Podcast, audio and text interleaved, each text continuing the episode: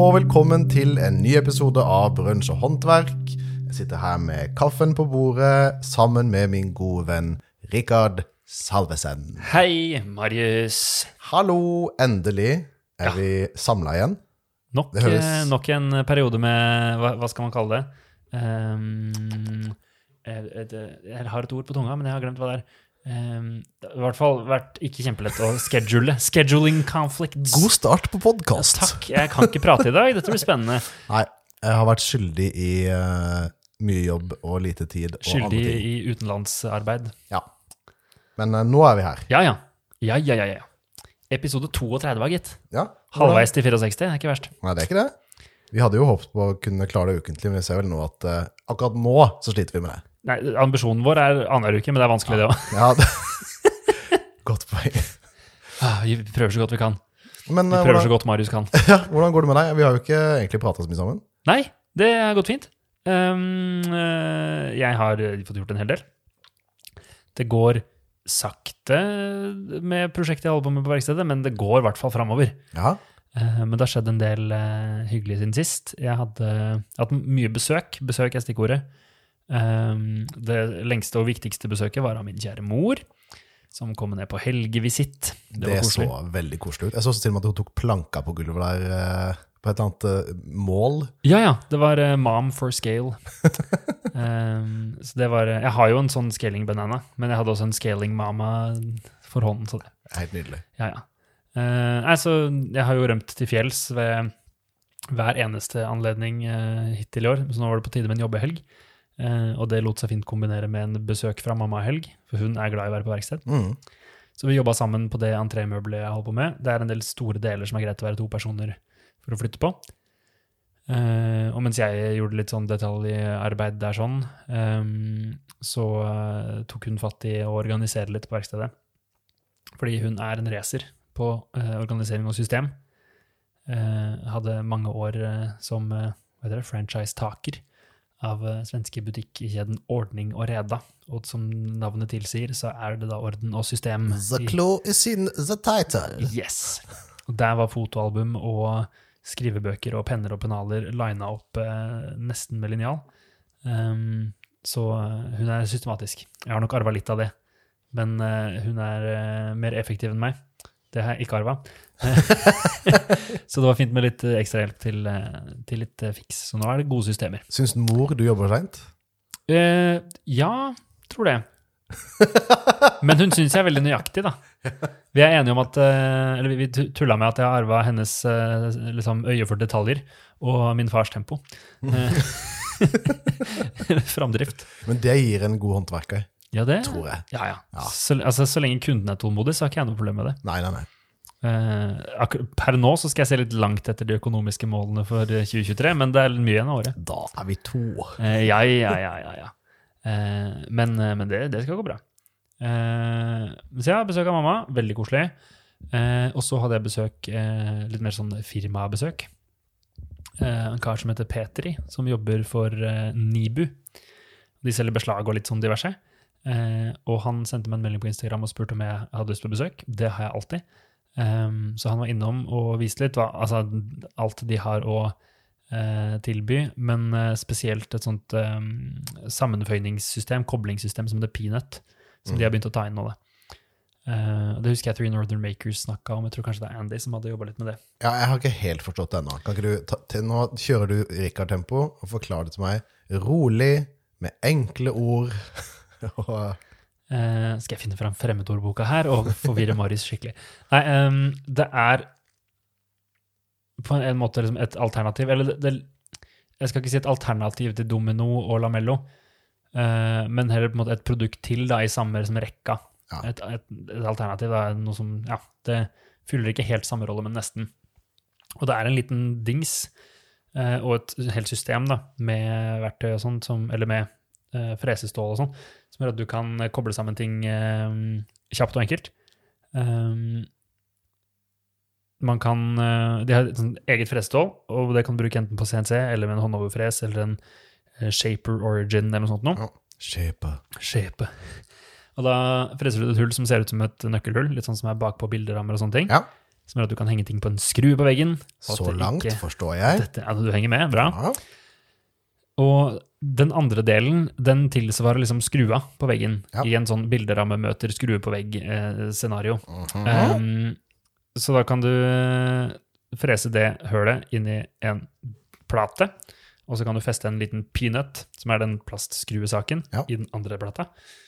Og så kan du putte de sammen, skyve litt til sida, så låser det seg fast. Um, og det, kan, det gjør at du kan eh, bygge Eller du kan, du kan produsere et helt møbel, da. Så du skal ha en plastbygd et eller annet.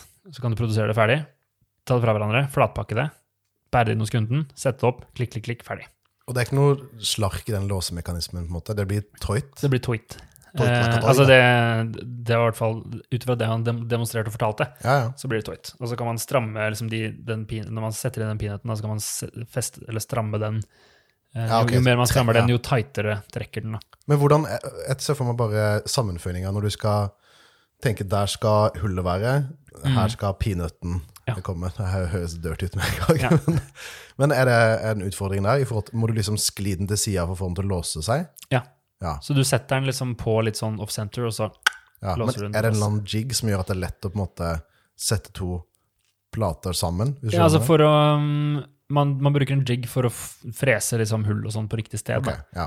Eh, så han viste meg litt, han hadde en sånn slags jig som så ut som loen til Batman, eh, som du bruker sammen med en håndoverfres. Batman. Um, så det virker ganske ryddig. Og så har de også et system som gjør at du kan, hvis du har en, noen flate plater da, som skal sette sammen til en, en skapstamme eller noe sånt, så kan du frese ut både skapstammen og liksom hull til peanuts Mm, uh, i en og samme operasjon, uten å trenge å måtte flippe plata eller gå inn fra eh, liksom kortsida eller noe sånt. Mm. Så det virker ganske lurt.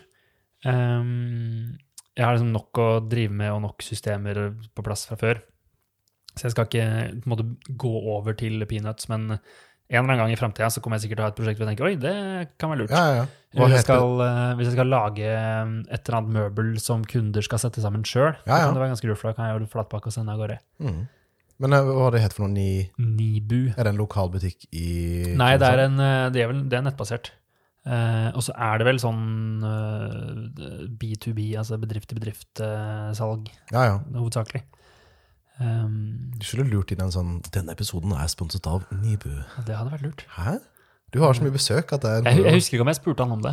Jeg spurte, jeg spurte Ruby om det. De har ikke gjort så mye sånn eh, De gjør litt sånne ambassador-greier, men Ja. ikke noe direkte spons. Nei. Og vi er jo interessert i cash money, ikke sant. Eh, det er um, eh, Ja, men det var i hvert fall veldig koselig. Um, og de selger også beslag eh, til Altså alt av kjøkkenbeslag og sånne ting. De fører ikke Blum, som er det jeg bruker av hengsler og Mm. eller sånn eh, og sånn.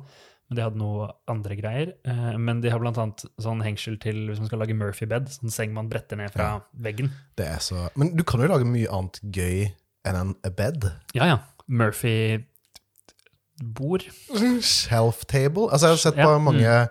Eh, Nå må jeg vel sikkert trå litt forsiktig, men jeg sier uh, japanske Mm. uh, håndverkere som lager utrolig mye gøy sånn ned fra veggen duppeditter, eller en krakk som står inni et bord som også er en hylle. Ja, ja, ja. Det, det, det syns jeg er så kult. Jeg har sett mye på um, Never Too Small. Har du sett på det før? Nei. Det er en YouTube-kanal og Instagram som, som viser fram små leiligheter som er innreda dritsmart. Gjerne av en eller annen sånn arkitekt. Mye sånn rullende skillevegger og Ja, ja. Fordi du flytter på hele dette møbelet, så er du plutselig på badet, liksom. Eh, sånne ting. Men det er, det er ikke bare gimmick, det er litt sånn Ja, nei, nei. praktisk. Da. Og det er gjerne sånn arkitektstudenter eller arkitekter som, som bor midt i New York, og så koster fire kvadratmeter 400 millioner ja, kroner. ja. Så du må, du må liksom eh, skvise mest mulig ut av området. Jeg kjenner jeg har litt lyst til å bo sånn. Så når, jeg, når vi var ferdig med huset, var det sånn Nei, det er for stort! Jeg kan ikke lage tullete ting som passer inni der. Bygge et stort hus, og så kan du få flytte ut til boden. og lage masse smarte løsninger der. Altså, de har i hvert fall um, Vi så liksom ikke på alt de hadde tilgjengelig, men det er uansett gøy å ha en person man kan ringe og være sånn Hei, jeg har en idé til et møbel med ting som skal bevege seg sånn og sånn og sånn. Ehm, har du beslaget til å hjelpe meg? Det er Ja. konge. Så nå har jeg både han jeg kan ringe, og så kan jeg ringe ehm, beslagteknikk. Og da finner jeg sannsynligvis det jeg trenger. Ja, ja. Enten eller. Selvfølgelig. Kim fra Motek var innom. Eh, Jeg klarte å la være å kjøpe masse festivalting denne gangen. Det er litt ljug. Jeg kjøpte nye blader til Shinsaga mi. Eh, Det var, trengte det var, men altså, det er ikke litt ljug. Du tar den setningen en til. Kjøpte ikke Festool-ting, bortsett fra de Festool-tingene jeg kjøpte. Jeg kjøpte ikke noen maskiner, i hvert fall. Ja, okay. Eh, men eh, jeg fikk ikke noe mindre lyst på flere maskiner. Det, men det var koselig. Um, jeg spurte litt om hvordan jeg skulle få ordentlig fine kapp med altså 45 graders kapp med skinnesaga mi, for den kapper jo strålende. Mm. Men jeg har slitt litt med å få helt perfekte 45-gradere. Og en, alle som har prøvd å lage 45 graders gjæringer, vet at uh, alt annet enn 45 er ikke bra nok. Hvis det Nei. blir 44 eller 46, liksom. Nope. Nei, altså ofte 45 grader på saga er ikke 45 grader. Nei, sant. Og så har jeg kappa 45 grader med den saga før og fått perfekt resultat. Så jeg Ja. har stilt den inn likt som før, og så prøvde jeg å gjøre det i kappen nå, og så ble det ikke like bra. Så var jeg sånn, ok, hva er det som skjer her? Mm. Um, og han kikka på det bladet i et mikrosekund og kunne konstatere at jeg må ha nytt blad. God salgsmann. Uh, ja, absolutt. Uh, servicemann, Ja. salgsmann. Mm. Eh, men det bladet har jeg ikke bytta siden jeg kjøpte Saga i midten, slutten av 2021, så det var på tide. Eh, så han tok med seg det gamle bladet og skal sende det til sliping. Og så kjøpte jeg to nye, og så etter tips fra han, også godt salgstriks, da, eh, at det er lurt å ha ett til heltre og ett til MDF. Fordi det fester seg mye gunk og gugge fra heltre, oljer og fett og diverse. Um, så da er det lurt å ha et separat til MDF. Så du alltid har, et, altså alltid har en varm smørkniv klar. Ja, ja, ja. Ja, men det, det er sinnssykt viktig. Ja. Så dagen etter så var det bladet klart til mappen på Motek. Kjørte og kjøpte. Um, og uh, kappa 45 grader, og det ble perfekt. Mm. Det var skikkelig digg. Det var ikke sånn ja, du må bytte blad, så funker dette. Jeg bytta blad, så funka det faktisk. Det var, det var nice, for det var ganske essensielt til det møbelet jeg holder på med, å få smooth 45 grader hjørne. Mm. Så det var digg. Nå er all good. Ehm, ellers så har jeg fått litt stæsj i posten. Fikk en liten kosepakke fra Three Northern Makers siden det er Patreon-greie. Ehm, og så har jo Pierre åpna en Etsy-butikk. Ja. Det Hvor han synes jeg er veldig selger masse 3D-printa greier. Med den der bambusprinteren sin, som ikke printer med bambus, men i like fort som bambus vokser, eller noe. um, så eh, jeg kjøpte noen sånne klips for å feste Festool-strømkabelen til støvsugerslangen. Mm. For da slipper det å være to ting å snuble i. Det kan være én ting å snuble i. Gaffateip. Eh, nei, Nei. det er jo ikke lysegrønt. Ja, det, hallo! Og så er det vanskelig å ta av igjen. Nei, sant. Ehm, og det funka fint, for jeg har kappa masse med skinnesaga de siste par dagene. Lange kapp liksom, hvor jeg deler opp hele, hele plater. Eh, og det å ikke ha masse kabel i alle retninger var veldig digg. Mm. Og så er det selvfølgelig printa i Festool lysegrønn, så det ser Det må man ha. ut.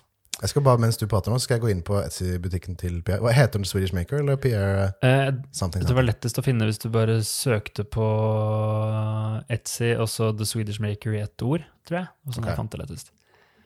Um, mye kule, fine ting. Ja, jeg så han hadde en sånn eh, Hva heter det for noe? En adapter til uh, utsug. Ja, Og ja. ja, det var vel for å koble Festool-støvsugerslangen på en Bosch-maskin. ja. som han hadde. Det så veldig nice ut. Det er sånn typisk sånn eh, perfekt bruksområde for en 3D-printer. Mm. Verken Festool eller Bosch kommer noensinne til å selge en adapter som gjør at du kan koble Til en annen til et annet merke. Liksom. Så det er sånn overgang som er helt genialt å printe. Uh, jeg har også testa nye kombinasjonshøvelen vår med spiralkutter. Åh. Mm. Verdt investeringa. Det er ikke noe du sier til deg selv for at du skal føle at det var greit å kjøpe. Nei, for det er ikke jeg som har kjøpt den. Det er Nei! som har kjøpt den. Så jeg er dobbelt fornøyd. Uh, vi har ennå ikke solgt den forrige høvelen, så hvis noen er interessert i en god plan- og tykkelseshøvel fra Axminster, så bare si fra. Um, får den vel for omtrent halvparten av ny pris, og ny koster den godt over 20. Ja. Uh, og ting har økt i pris siste året også, så det, der kan man gjøre et, eh, et kupp. Faen, jeg får så lyst på 3D-printer. Sorry, nå skal ikke jeg ødelegge hele storylinen her. Men Nei, nei. jeg, når jeg ser det der med sånn som uh, Hans også gjør, det Ja. bare løse sånn hverdagslige problemer med Ja. 3D-printer. Ja, ja, ja. Altså, jeg har så lyst på det. Men altså, hittil så har 3D-printing for meg vært sånn herre Ja, det er sikkert fett, men det virker som man bruker like mye tid på å deale med plast som smelter i feil retning, Jo, jo. enn man faktisk printer. Men den derre bam, eh, bamboo et eller annet-printeren, Ja. den ser rå ut. For den, de snakka om det på Three Northern Makers, at det er print som tidligere har tatt liksom åtte-ni timer, som nå tar én time. ja, ja, ja. Og da begynner det å bli Jeg har nevnt prisen på den. Nei, Nei, sikkert dyr. Uh, jeg tipper den koster sånn ikke sikkert sånn 12 000 eller noe. Ja, ja. Eh, men eh, det er jo noe å tenke på, det. ja, det er det. Eh, det er mye man har lyst på. Nå kjenner jeg jeg må ha litt penger inn før det blir mer penger ut her. Jeg har teksta med, med Kim i dag, og jeg trenger et sånt sånt sånn vinkelbeslaggreie som du kobler på skinna som skinnesaga går på. Mm. Som gjør at du veldig eh, kjapt og liksom trygt kan få 90 graders kapp. Ja. Eh, når du skal ka- kappe plater og sånn. Mm. Eh, men eh, tusenlappene flyr fort. Ja, det gjør det. nå må, jeg, nå må jeg få jobba på litt. Det er lurt. Bortsett fra neste uke. Da tar jeg vinterferie på å kjøre brett i en uke. Nam, nam, nam, nam. Men du, jeg, det- jeg kan leve litt gjennom deg. Jeg synes det er nydelig at du bare nyter, nyter livet før uh, familiegreiene sp- Jeg nyter livet, jeg, altså. Det er ikke det. Men det å bare Men ikke like mye som meg. Jo, på en annen måte. Nei, men det å bare kunne liksom hive seg rundt og gjøre sånne ting, det er jo helt nydelig. altså. Ja, men jeg tenker litt sånn aktivt på det. sånn eh, I hvert fall siden jeg har undervisningsjobb, hvor det plutselig dukker opp uker hvor jeg ikke har noe Ja, ja. undervisnings... Altså, siden de følger skoleruta med ferier og sånn. Da må jeg gripe sjansen. og Ja, ja, stikke av. Um, men det er egentlig det jeg holder på med. Uh, kan jo dykke litt mer inn i prosjektdetaljer etterpå. Men uh, det er liksom, ja, siden sist jo, så hadde jeg øvingshelg med flokkdyr i helga. Første på lenge. Var det gøy? Sist vi møttes var jo um, da vi spilte gig uh, på Ogna scene. uh, på Jæren Ja. i desember, starten av desember. Mm. To måneder siden sist. Men nå har vi spilt en ny låt. Oi. Eller i hvert fall trommer, bass og gitar. Og så skal Live gjøre pianoopptak i Oslo. Okay. Og vokal. Og fått øvd litt og spilt litt og kosa oss. Men er det, det er ikke noe sånn plateslipp i nærmest fremtid? Nei, vi slapp jo plate i fjor, så vi har ikke nok materiale til å slippe noe mer. Eh, men det er litt for å kunne slippe et eller annet når sommeren nærmer seg, vi skal ut og spille litt festivaler og sånne ting. Eh, for det er kjedelig å bare sånn Hei, vi har ikke gjort noe siden i fjor, liksom. Her er samme plata. Ja. Eh, men Marekvist-plata kommer om noen måneder. Da. Og det gleder jeg meg til. Det gleder jeg meg så veldig til. Det blir gøy å få ut den. Da blir det Dette er ikke offisielt ennå, men det blir konsert i Oslo, og det blir konsert i Kristiansand. Eh, og det blir i, sannsynligvis i juni måned. Så det, Ah, gøy, altså. det gleder jeg meg veldig til. Har det, det har ikke fått sånn artwork og sånt på plass? Å jo da. Det har det, ja? Ja, ja, Kan jeg se etterpå? ja, ja. Jeg syns det, det er så fett. Alt er klart. Ja, Så gøy. Eh, det blir veldig kult. Eh, så nå holder vi også på å finne litt sånn om vi skal få bestilt opp noen vinyler og oh, ja. stæsj. Det har blitt veldig mye dyrere, så da må vi se litt på matematikken. ja. Hva snakker vi om da? Eh, altså Før så kunne man bestille 100 eksemplarer, og så gikk det an å gå i pluss på det. Ja. Eh, jeg tror vi hadde en kostpris per vinyl på ca. 170 kroner, Ja. og selger de for 300. Ja. Det er decent. Ja, ja, ja. Da tar det ikke så lang tid å gå i null. Det, tar jo, det, er, det er ikke gitt at man får solgt alle 100. Nei, nei. Men um, førsteopplag er også dyrere, for da må du ha det som heter en glassmaster, som er på en måte malen Ja, det, er- det er som en designfil du skal ha printet, Ja, ikke sant? så det er alltid en sånn. Så jeg tror første runde så betalte vi vel 7000 eller 8000 for glassmasteren, og så ca. ja, Cirka 10 000 for, for vinylene. ja. Eh, mens nå men så har vi gjort et opplag til da, av førsteplata. Uh, og da ble jo stykkeprisen lavere siden vi allerede hadde glassmasteren. Men nå på skive to så har ting blitt dyrere, så da er det ikke Det er ikke så veldig holdbart å skulle bestille 100. Det er Nei, mye, nei. mye bedre å bestille 200. Ja. Men igjen, vi er ikke stort nok band til at det er realistisk å selge 200. Men da får vi en stykkepris som ligger rundt 170-180, istedenfor kanskje 270, da. ja, ja. Hvor det har gått 30 kroner pluss per plate. Det sånn, ja. Men dere har flere igjen nå? Ja. ja men skal jeg få ha en, da? Det er konge. Jeg skal ta med en neste gang vi ses. Nice, nice, nice, I hvert fall første plate. og så Ja. får du få nummer to når den Jeg har lyst til å ha, Når jeg får opp platespilleren i huset nå, så har jeg lyst til å ha en liten hylle. Litt sånn bilderammehylleaktig, Mm. Ja. som jeg kan kanskje ha tre plater Ja, ja. stående på. Det er fett. Now playing. Da, now playing. Ja. Hvem skal bygge den her, da? Meg, kanskje? Nei, jeg skal lage sjøl. Får jo aldri noe inntekt, jeg. Kult. Ja. Eh, hva har du gjort siden sist, Marius? Utenlands? I have been in uh, Germany. Germany. Ja. Nei, jeg var på jobbreise eh, fra søndag til fredag. Mhm. Um, vi eh, skulle ned og installere litt skap og lære opp eh, noen folk i et firma som skal gjøre installasjoner for oss. Dette er i forbindelse med jobben din i, den, I Sharebox. I, i Sharebox. Ja. Mm. Så det var nøkkelskap som skulle installeres. Um, og så vi måtte da sørge for at vi måtte kjøre så langt syd som mulig. Så vi i München, det var da der hovedinstallasjonene foregikk. Hadde dere med dere mye stæsj og sånn, eller siden dere måtte Ja, det ta bil? det var derfor vi valgte å kjøre bil, fordi vi måtte ha med en sånn motorløfte, heter det. Ja. Eh, så vi, fordi skapet veier 400 kilo. Ja. Så vi eh, Men dere måtte ikke ha med noe skap nedover? Nei. Nei. Nei, det hadde blitt Og de er to meter lange. Ja. Og vi har firmabilen vår er en Tesla Y, Mhm. så det er jo veldig gøy. Ja. Jeg syns fortsatt det er superuvant å kjøre Tesla, Ja. men eh, det er jo, det er når du er den som ikke kjører, så er det jo utrolig deilig. Mm. Jeg sovna jo som en dupp. Det var nydelig. Vi kjørte jo i eh, altså, ikke, ti timer om dagen, eller Ja, ikke sant? Uh, Så det gikk jo 3000 km totalt, cirka. Mm. Um, men det var fint. Og så var det fint at jeg og Mikkel, som har reist sammen med som er min sjef, at vi fant ut at vi ikke tar livet av hverandre i løpet av en uke der vi er sammen konstant, utenom når vi sover. Konge. Eh, så det var gøy. Um, men eh, ja, nei, det er motorløfterne. ja. Vi må jo, for vi, de kommer jo ofte Eller ofte. eh, de kan komme liggende. Ja. Uh, og da må vi klare å løfte de opp, og da må vi ha med motorløftet. Og den tar litt plass. Men det var litt morsomt når vi kom ned der og møtte de her eh, de folka fra det firmaet. Jeg tror ikke jeg kan si hvilket firma det er, jeg vet ikke, men jeg bare lar være. Ja, Og de når vi var ferdig med installasjonen, og sånn, så var sånn, da har det liksom blitt litt varme i trøya med hverandre. Mm. Og da var han sånn ah, 'Kan jeg ta et bilde av bilen deres, eller?' For sjefen min kommer aldri til å tro det her. For han tvinger han til å kjøre rundt i en sånn svær kassebil. Ja. Men her har du plass til motorløfter, og vi hadde jo studd hele bilen med masse annet stæsj òg. Ja, ja. Eh, Så det var veldig artig. Um, nei, så vi var der og herja rundt. Uh, og så skulle vi jo reise hjem igjen på torsdag, for det var et par ting som ble utsatt. Um, men eh, den ferja ble jo innstilt, for det var jo storm. Ja. Så da fikk vi litt mer tid, og da ble Mikkel veldig glad, for han har en karriere bak seg i, i eh, Forsvaret på rundt ti år. Kult. eh, og møtte kona si òg i Forsvaret. Hun kjørte jo Panzerwagen. Yes! En sånn liten, Det var sånn People Carrier-greie, men Ja, ja. dritkul. Så fett. Så da, på vei ned, så ble han veldig gira, for da kjørte vi forbi Mosta Oh.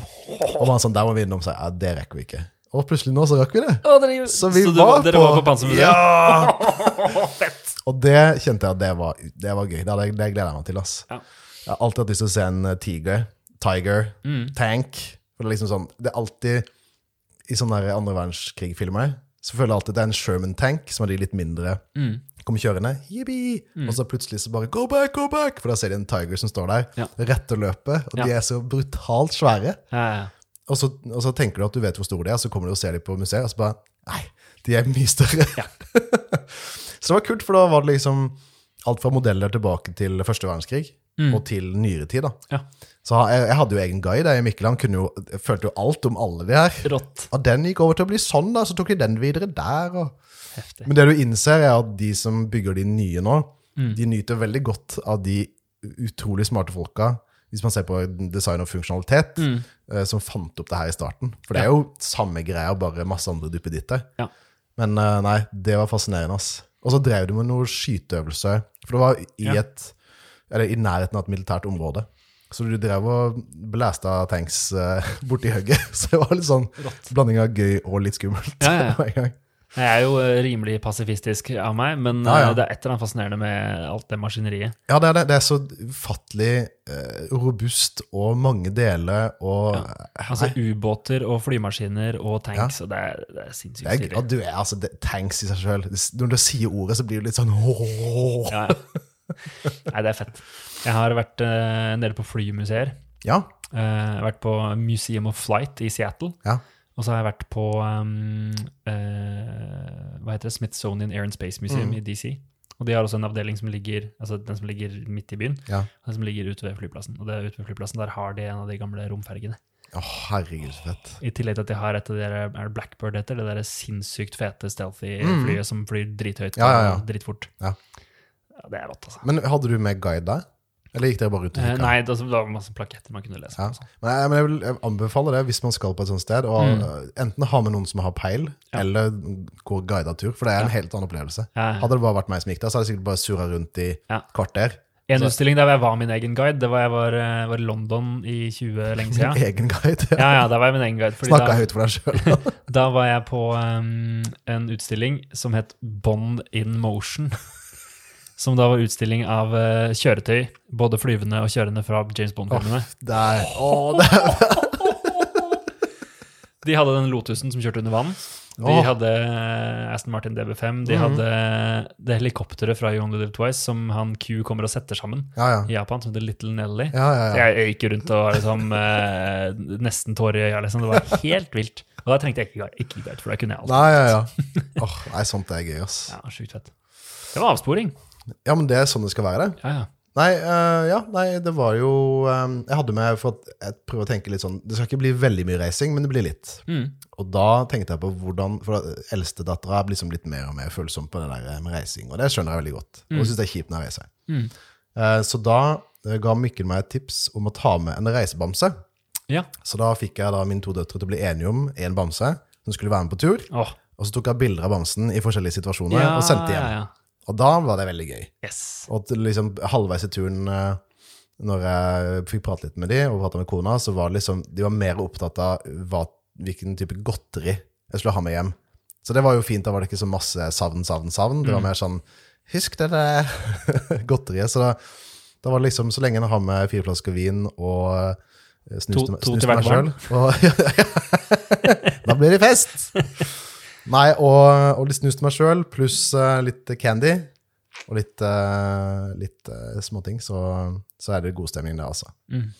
Men eh, nei, jeg, sto, jeg var jo på butikken på verkstedet på lørdagen, eh, dagen etter vi kom hjem. Ja. Og da var det sånn Jeg trodde ikke jeg var så sliten, men når jeg kom hit og sto ellers, så var det sånn Hva holder jeg på med? Ja, ja. Sto omtrent og skalv. Jeg fikk gjort en del, da. Ja. Men, eh, nei, men det var en uh, veldig lærerik og, og fin tur. Ja. Um, så det um, Ja. Jeg, ser, jeg ser jo fram til å reise igjen, bare at ikke det skjer med en gang. Men det er jo ikke, det er vel ikke noe automatikk i at man får reist så mye på firmatur så tidlig i en jobb? Det virker jo ganske kult. at Ja, men det er jo at vi er, vi er tre stykk i, i operations. Ja. Og det er vi, vi som må ta store deler av Iallfall det der å lære opp på en måte de um, som skal begynne å gjøre de installasjonene Ja, ja. for oss. Og jo flere på en måte Hvis de også begynner med internopplæring, intern opplæring, da, Ja. så vi kanskje slipper å reise til Spania og Ja. Italia, og det høres jo forferdelig ut. Å nei, Spania og Italia. Ja, men det er jo sånn Jeg hadde jo gleda meg veldig til å reise til Tyskland, for jeg har ikke vært i Tyskland. Har du aldri vært i Tyskland? Nei, jeg har ikke det. Hvor gammel er du, Marius? Jeg blir 39 til lørdag. Ja, ikke sant? Ja, jeg, aldri vært i Tyskland? Nei, jeg har ikke. Tyskland er jo ti meter den veien, liksom. du blir litt sånn tysksinna når vi snakker om det. her. Er veldig rart. Nei, men det, det så tenkte jeg, ja, det blir kult, da, for jeg har sett litt av Tyskland. Men eh, store deler av kjøringa var eh, på kvelden, og det var mørkt, og det var på motorvei der det gikk veldig, veldig fort. Ja. Og på dagene så sto vi inne i parkeringshus og installerte skap. så det var, men jeg fikk sett litt da, men det var, eh, det var en fin opplevelse det, altså. Det er Det var- sikkert litt sånn der, Jeg har ikke vært på en sånn skikkelig rocketurné, men folk er sånn ah, 'Fett, du får sett hele verden.' Sånn. Du ser liksom innsiden av en buss, og så backstage, som er likt overalt. Ja, ja. Så går du på scenen og sier 'hello, feil navn på by', og så kjører du videre. Nei, men uh, Det var et eller annet du skulle si, men nå glemte jeg det. Jeg har helt sikkert ikke riktig. Men uh, uansett. Men du hadde litt eh, butikktid på lørdag, da. Ja, Fikk du produsert litt, eh, solgt litt? eh, Ja, vi solgte Det var greit, da, altså. Ja. Det, mm, det var Vi solgte for sånn fem- 5000 eller noe. mhm. Så det er jo fint på en lørdag Ja, ja. i eh, februar. Ja. For da er det veldig dødt der. Har dere merka noe eh, økning inn mot Valentines? Det er jo i dag. Gratulerer med Valentines. Åh, Du Ja, det er bra vi er her, jeg er her og ikke med kona. det var sånn, jeg var- jeg var i et møte klokka seks rett etter vi hadde spist middag. Eh, Med et uh, firma som skal, vi skal installere skap for. Og da han, de var sånn ja, 'Nå må vi legge på, for vi skal, jeg må liksom I need to take my wife out for dinner'. Så jeg sånn Stakkars kona er sånn, Vi har spist uh, fiskekakemiddag med to skrikende unger, og nå skal jeg stikke og spille podkast. stikke og henge med en dude. Ja, vi har egentlig aldri feira det så veldig. Nei, men det er jo, altså Man kan jo sette pris på det når man selger ting, at det er et, et Ja. enormt salgstriks. Vi har liksom eh, ikke noe sånn uh, Altså, vil du ha en rød lommebok, liksom? Det, jeg vet ikke. Men uh, nå er vi jo bare en lørdagsbutikk, så det, det er ikke så mange som detter innom sånn på vei hjem fra jobb som skal Å ja, faen, det var den dagen i dag, ja. Mm. Så, men uh, nabobutikken vår her, uh, blomsterbutikken, de har nok nyttig veldig godt av det. Og de Ja. kjørte jo rød løper i dag og Ja, ja, ja. Så de, ja, de er flinke, altså. Fett. Det er sikkert enklere etter hvert også, da, når man har blitt litt innkjørt og blir vant til det. Ja, ja. Valentines, det gjør vi sånn og sånn. Også. Ja. Ja, altså, eh, så trenger det ikke være liksom nesten valentinsrelatert. Det er bare sånn, siden det er den dagen, så kjører vi Ja. så og så mange Ja, ja. prosent aktig. Ja, ja. Men, um, Nei, men det var fint å være på butikken igjen. Det var veldig lenge siden nå. Og nå henger vi litt bak. Jeg har um, masse lær på veien. Jeg fikk uh, invoice i stad på nesten 20 lapper. Nam, nam, nam. Så da uh, blir det ganske mange vesker som står og venter. Ja, så og det er et par nye design som jeg gleder meg veldig til å lage. Oh, fett. Med litt uh, Men dere har vel produsert opp en del av de Snap-lommebøkene også, med knapper? Ja. For jeg så ute i butikken, og de var veldig fine. Ja, jeg liker de. Jeg, jeg bruker jo alle lommebøkene sjøl for å på en måte stressteste de, og for å teste om designet føles bra. Så innmari mye penger at du har masse lommebøker. Ja, ja, ja. Jeg har videre produsert så jævlig mange at jeg bare ja, ja. Nei, vi gjør det begge to. Eh, Og jeg liker den veldig godt, altså. Den er superenkel og fin. Eh, Vet, du, vet du hva den minner meg litt om? Nei. Spesielt den røde med gullknapper. Nei. Den minner meg om, eh, om buksa til eh, Mikke Mus. For det er en rød med sånn Du, knapper var- og en sånn flap. Ja, ja, men det, det er jeg helt enig i. Jeg skjønner hva du mener. Men det er litt hyggelig, da, for den ser det- så snill ut. Det er et produktbilde jeg må ta. Ja. Mickey Mouse, og så den oppå. Ja. Den var god, den likte jeg. Nei, de var veldig fine. Jo, takk for det. det ja. Skal vi se, hva var det jeg gjorde for noe? Jo, jeg lagde, jeg lagde en, um, en sånn bifold wallet, Mm. Uh, som jeg har lyst til å lage til meg sjøl, men den tar lang tid å lage, så Ja. jeg har liksom ikke tida til det. Den så jeg du la ut bilde av. Mhm. Nice. Jeg liker den, altså. Hva Hadde den stempel eller laser eller noe sånt inni? Nei, jeg brukte bare samme blekkstempelet som vi bruker på, eh, på Eskene? Eskene? ja. Ja. Jeg syns det var litt kult. Jeg tenkte Jeg fikk litt sånn eh, American baseball-feeling. Ja, Jeg liker det, altså. Jeg det jobber litt med noen nye logovarianter som jeg har lyst til å bruke til sånne ting. Ja. Jeg syns sånt er veldig, veldig gøy. Å, så fett. Um, men ellers, eh, siden det Jo, vi fikk eh, endelig vedovn.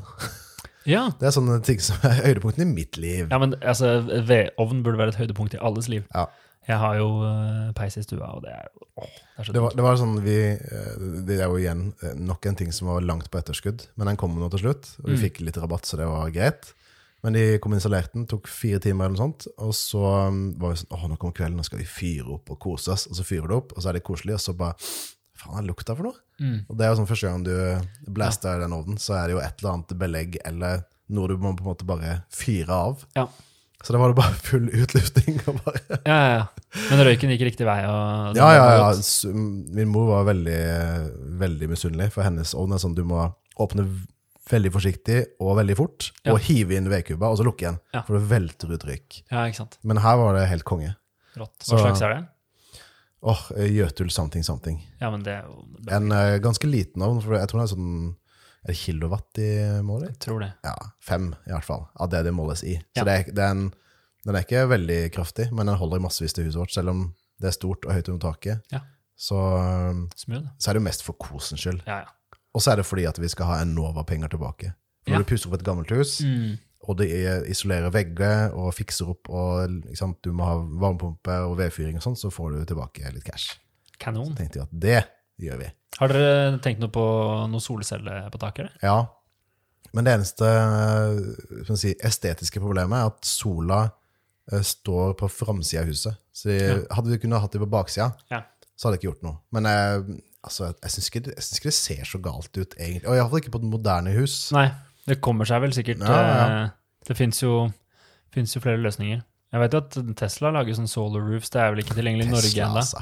De lager jo uh, takstein som Ja, ja, ja. er solceller. Det koster sikkert skjorta. Det gjør det nok. Men, eh, men nei, vi har snakka om det uh, på sikt. Men Mm. uh, det må vi ta etter alle andre prosjekter og verandaer og ditten og datten som skal Ja. bygges. Um, nei, men det er ikke så mye mer enn det som jeg kan komme på nå. Kult. Uh, annet enn at jeg har jeg skal, ja, eh, symaskin. Jeg skal kjøpe symaskin. Ja. Um, jeg, vi snakka litt om det i stad, at det er ikke lov å kjefte på meg for det. Og det sa du at du ikke skulle gjøre. Jeg har jo ikke fått solgt alle jeg har her Men ennå. dette er, dette er jo en helt annen type symaskin, ikke? Som du virkelig har behov for. Greia er det at um, det ene er Vi har jo vurdert uh, å gå over til å sy med maskin generelt. Mm. Det er en lang prosess, fordi vi har et par forskjellige maskiner, og de koster masse, masse, masse penger. Mm. Men um, jeg har lyst til å begynne å lage ting i Canvas.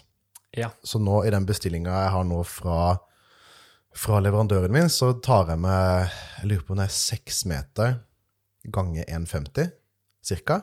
Ja. Eh, Med Jeg vet ikke altså, hva, altså de, de, de er jo ounces det går i. Ja. 18 ounces. Ni kvadrat. ja, men det er relativt tjukk. Jeg tror det tjukkeste jeg har sett så langt, er sånn 24 ounces. Det er 18. Um, og så tenkte jeg å begynne med å lage kanskje en eh, sånn vedbærer. Det trenger jeg jo nå. Ja. Og lage forklær. Og så har vi lyst til å begynne å lage vesker som kombinerer canvas og lær. Kult.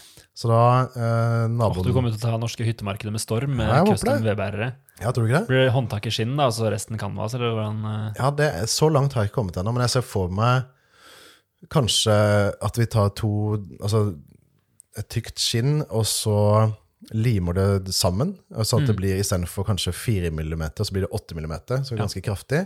Og så bare har vi et hull som er på en måte håndtaket, da. Ja. Og, de er i toppen av canvasen på hver sin side. Ja. Noe i den duren. Kult.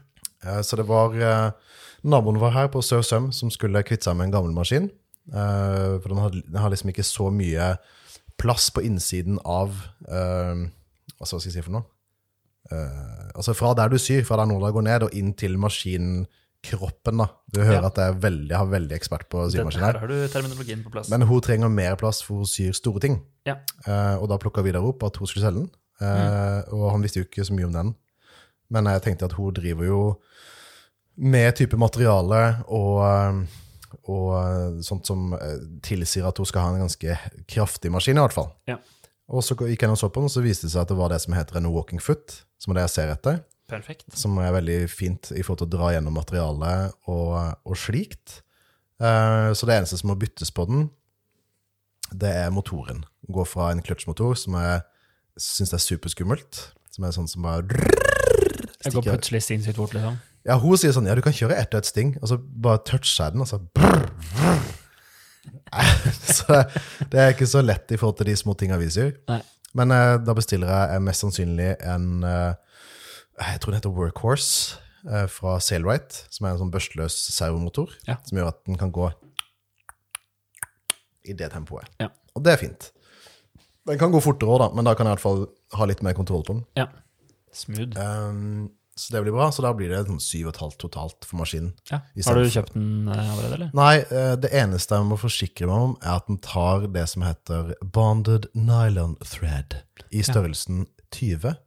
Eller Det er vel Tex, eller det er, Tec, det, det er så mange sånne varianter av trådtykkelse i forskjellige systemer. Ja. Men det er 138 i det de på en måte bruker generelt i USA, og så er det i Norge er det størrelse 20. da. Så da er den liksom relativt tjukk, men ikke veldig sånn chunky. Um, så sømmene blir på en måte pen, eller mindre enn det vi har nå, uh, men fortsatt sånn at det føles liksom ja, litt sånn Nice. uh, kraftig og fint. Det var litt, uh, litt tjukkelse på det. Ja, det liker vi. Kanon. Så ja Jo, eh, en ting jeg tenkte på. Jeg har drevet og kikka litt, for jeg har, jeg har hatt lyst til å Apropos liksom de her små leilighetene med gøye løsninger og osv. Så, videre, Ja. så har jeg lyst til å ha et sted der jeg kan gjøre sånne ting. Og vi har jo en kjeller Ja. som vi ikke har gjort noe med. Den står bare sånn som den har stått siden 60-tallet. Men der skal vi bygge ut etter hvert, mm. og ha litt sånn kjellerstue. Og Er det der hvor det er liksom litt lavt under taket? Ja, det er 1,90 der. Ja, ja. Men jeg vurderer å prøve å komme litt ned. Vi får se. Ja. Men i hvert fall, der har jeg veldig lyst til å Det er sikkert superlamet og harry, alt det der, men jeg syns det er gøy. Jeg har lyst til å ha en sånn gjemt dør i en bokhylle. Ja, ja, ja. Med ja. sånn bok du bare drar ned, og så Ja. åpner Ja, ja, du. ja, ja. Fett. Så, så da har jeg kikka masse på YouTube på den slags. Mm. Eh, så blant annet han eh, I Like To Make Stuff. Er det ikke Bob det? Claggett. Bob Claggett. Kompisen vår fra Maker Center. Ja, ja, ja, kjempekompis. Jeg tok iallfall bilde med han. Ja, ja. Han var ikke så skravlete av seg, han. Nei.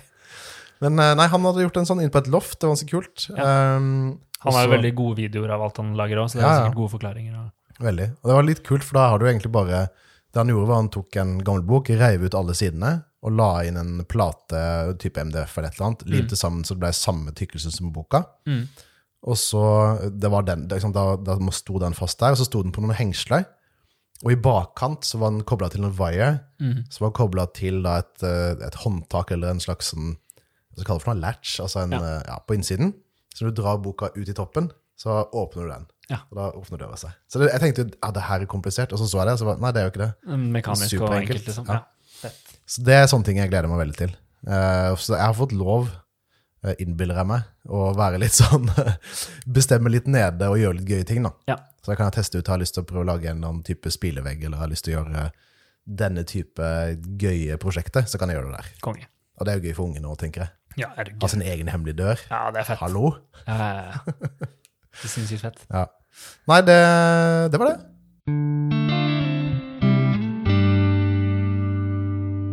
Da er det tid for et uh, nytt lite segment.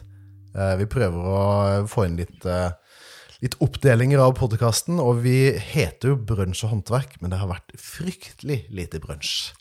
Minimalt med brunsj. Ja. Totalt fravær av brunsj. Så dette er da uh, første gang, kanskje siste, det vet vi ikke. Det var i brunsjboksen, var det vi landa Ja, på. altså, på engelsk har de i hvert fall eh, begrepet lunchbox. Brunchbox. Brunchbox. Jeg vet ikke, det, Dette er ikke skrevet i stein ennå, men det, det er i hvert fall konseptet. Så Kan du forklare litt? Hva er, hva er tanken bak denne spalten, Marius? Nei, tanken var liksom det at uh, Altså, En ting er jo oss to imellom. Altså, jeg er jo veldig glad i mat, og i lage mat, og i spise mat. Eh, og det er jo du òg. Ja. Og, og da tenkte jeg at da kan vi snakke litt om den slags. Og når vi har gjester, så er det gøy å høre hva andre driver med. Ja, ja. Og få litt inspirasjon til uh, nye ting. Jeg tror når man jobber i verksted, så er man alltid på leting etter det perfekte, perfekte liksom, verkstedsnacken. Ja. Eller perfekte ting å pakke med seg til et verksted. ja, for du, en havner fort i brødskiva-opplegg. Ja, jeg har vært litt kreativ, skjønner du. Ja, Eh, hvis jeg kan starte segmentet her. kjør på. Eh, jeg, I denne uka så velger jeg å ta vinklingen eh, verksted-mat. -hmm. Um, Nytt segment. nytt segment. Verksted-mat. Nei, fordi før så hadde jeg um, eh, mikrobølgeovn hjemme, Mhm. men den har jeg tatt med meg til verksted. Fancy. Eh, jeg hadde også vannkoker hjemme, tok meg til verksted. Oh. Eh, fordi man kan koke vann på platetoppen. Det går like fort, nesten. Ja. Um, så jeg har, jeg har vannkoker, kaffetrakter, mikrobølgeovn. Det er liksom eh, arsenalet mitt. Mhm. Og så har jeg et bitte lite kjøleskap. Um, og i det kjøleskapet så er det sånn bitte liten del eh, hvor det står 'For ice making only'. Oi, oi, oi. Eh, der putter jeg en pose med Findus eh, frossen. og det er eh, bolognese og det er carbonara. Så, så det er liksom en, en sikker vinner. En pose med enten bolognese eller carbonara. Rema har noen som er enda billigere, som er veldig gode, som er sånn tikka masala. Nam, nam, nam, nam. Oi, oi, oi. Så det er liksom standard. Um, men jeg prøver å finne de beste, men også billigste løsningene. Så det er bare å koke opp noe vann og helle noe varmt vann over noe havregryn. Uh, det er ganske digg. Kan ha på kanskje litt grann, eh, sukker og kanel eller trans. nei, ja. Lage litt sånn superenkel verkstedgrøt. Det koster jo nesten null kroner og er skikkelig digg. Um, men det er liksom mine go to på verkstedet. Det er noe, noe sikkert ikke noe særlig sunne og kjempeprosesserte poser med ferdige greier. Men det er ofte bedre enn at det skal liksom bli takeaway. ja, dyrt blir det jo i hvert fall. For jeg skal jo veldig ofte liksom hjemmefra, verkstedet, og så er jeg på verkstedet fram til rett før jeg skal begynne å undervise. Ja. Da må jeg ha et eller annet i det der tidsrommet. Så du er ikke en sånn food prepper? Er sånn uh, Jeg har gjort det iblant. Sånn, Ja. Hvis jeg lager middag kvelden før, så lager jeg gjerne dobbeltmiddag. Ja. Uh, men det er ikke hver dag at jeg har, tar meg tid til å lage masse greier fra scratch sjøl. Nei. men jeg har gjort det noen ganger, og da er jeg veldig fornøyd med meg selv neste dag. Jeg står opp, og så har jeg liksom både frokosten og lunsjen og middagen Ja, ja, ferdig pakka. Liksom. Oh, Jeg er fæl til sånn La oss si at vi har en grateng eller Mm. lasagne eller noe sånt. Så sånn. Ok, da har vi spist så mye, da er det halv igjen. Da holder den til i morgen, og så kommer kvelden. Lia Lia jeg til. Jeg lia til. Og bare lia til. Oi, der var det ikke så mye, nei. Jeg tar det siste òg. Ja. Får ikke du noe lunsj i morgen. har du noe go to uh, verkstedsnack? Um, ja, jeg har det. Det er jo veldig kjedelig, da. Når jeg prøver å være flink, så er det cottage cheese det går i. Ja. Um, Rett ut av boksen? ja, egentlig. Og så tar jeg bare litt salt på. det hørtes litt trist ut. Er det digg? Jeg syns det. Ja. Du har, har du ikke på et knekkebrød Problemet er liksom? at jeg er jævlig glad i bakst og brødskive med pålegg, Mm. men kroppen min sier nei takk, jeg vil ikke ha bakst, for da blir jeg ødelagt. Ja. Uh, så vi har heldigvis en sånn lunsjordning på jobb nå, Ja. uh, og det er gull. Men, og da, de supersnille, de var sånn, ja, nå har vi kjøpt inn cottage cheese og avokado og alt mulig. Jeg var, ja, så bra. Jeg tar fire brødskiver, jeg. og det som var, eh, eh, liksom, de har jo en type, de har mye digg også, men av en eller annen grunn, så det er sånn dansk salami. Ja. Sier du salami eller salami? Salami. Salami. Og det er sånn, jeg føler meg alltid så skitten etter å ha spist det.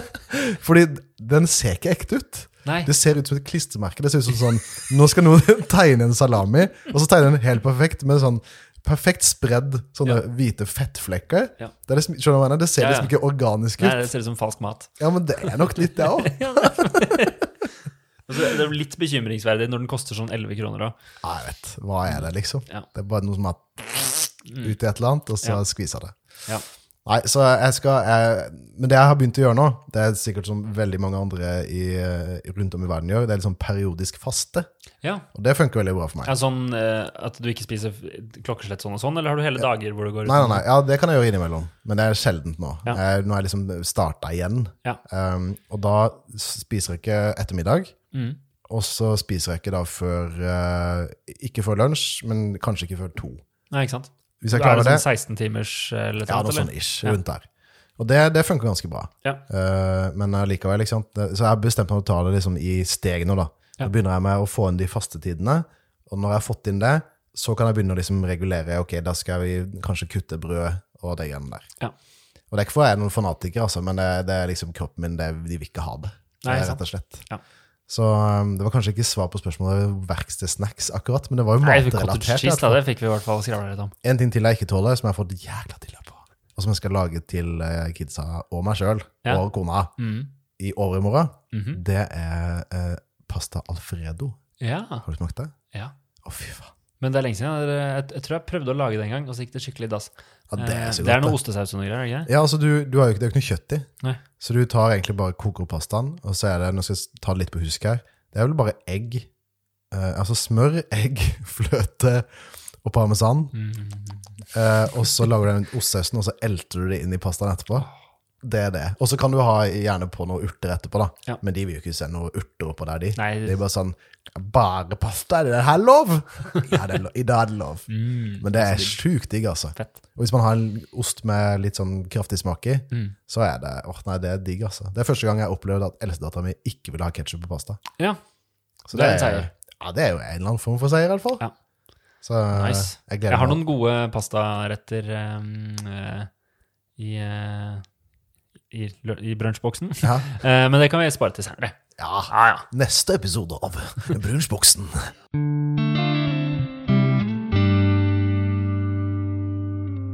All right. Tilbake til litt håndverk da, Rikard. Fint og balansert. Ja, var det ikke det? Ja, Hæ? konge.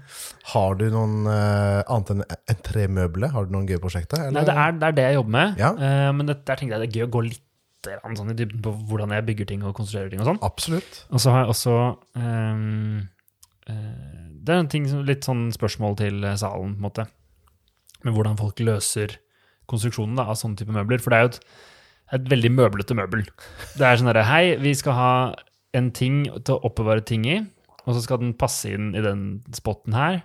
Være gjerne så lang og så høy. Og så. så det er ganske sånn rett fram oppgave, egentlig. Men er det på forhold til Nei, det skal ikke være mellom to vegger. på en måte. Nei, okay. Eh, det, sånn, nei, den skal være ca. 2,20 lang. liksom. Ja. Så jeg lager en 2,20 lang.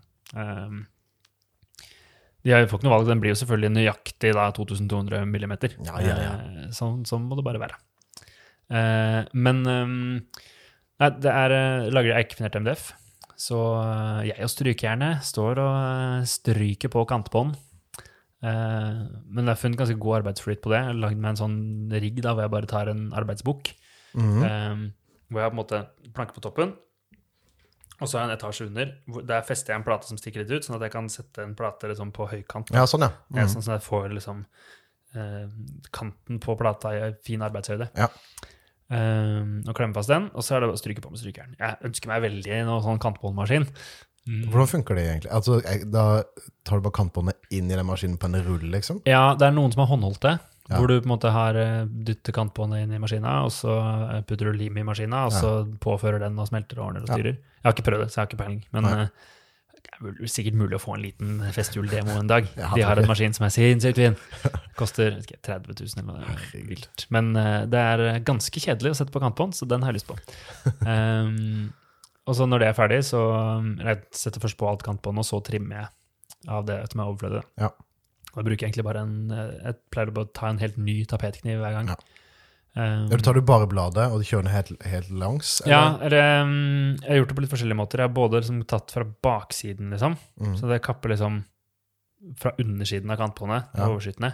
Så jeg har holdt liksom MDF på oversida, så at jeg har noe å skjære mot. Ja. Eh, For å unngå å liksom kappe med masse fiber og sånn. Ja, ja. Eh, jeg vet at det går an å gjøre hele den jobben her liksom litt kjappere med en eh, håndoverfres. Men jeg har både kutta Ja, ikke tommelen og fucka opp en eh, MDF-plate med håndoverfress. Så det, jeg, gjør det, jeg gjør det på den sakte, treige måten. Ja, ja.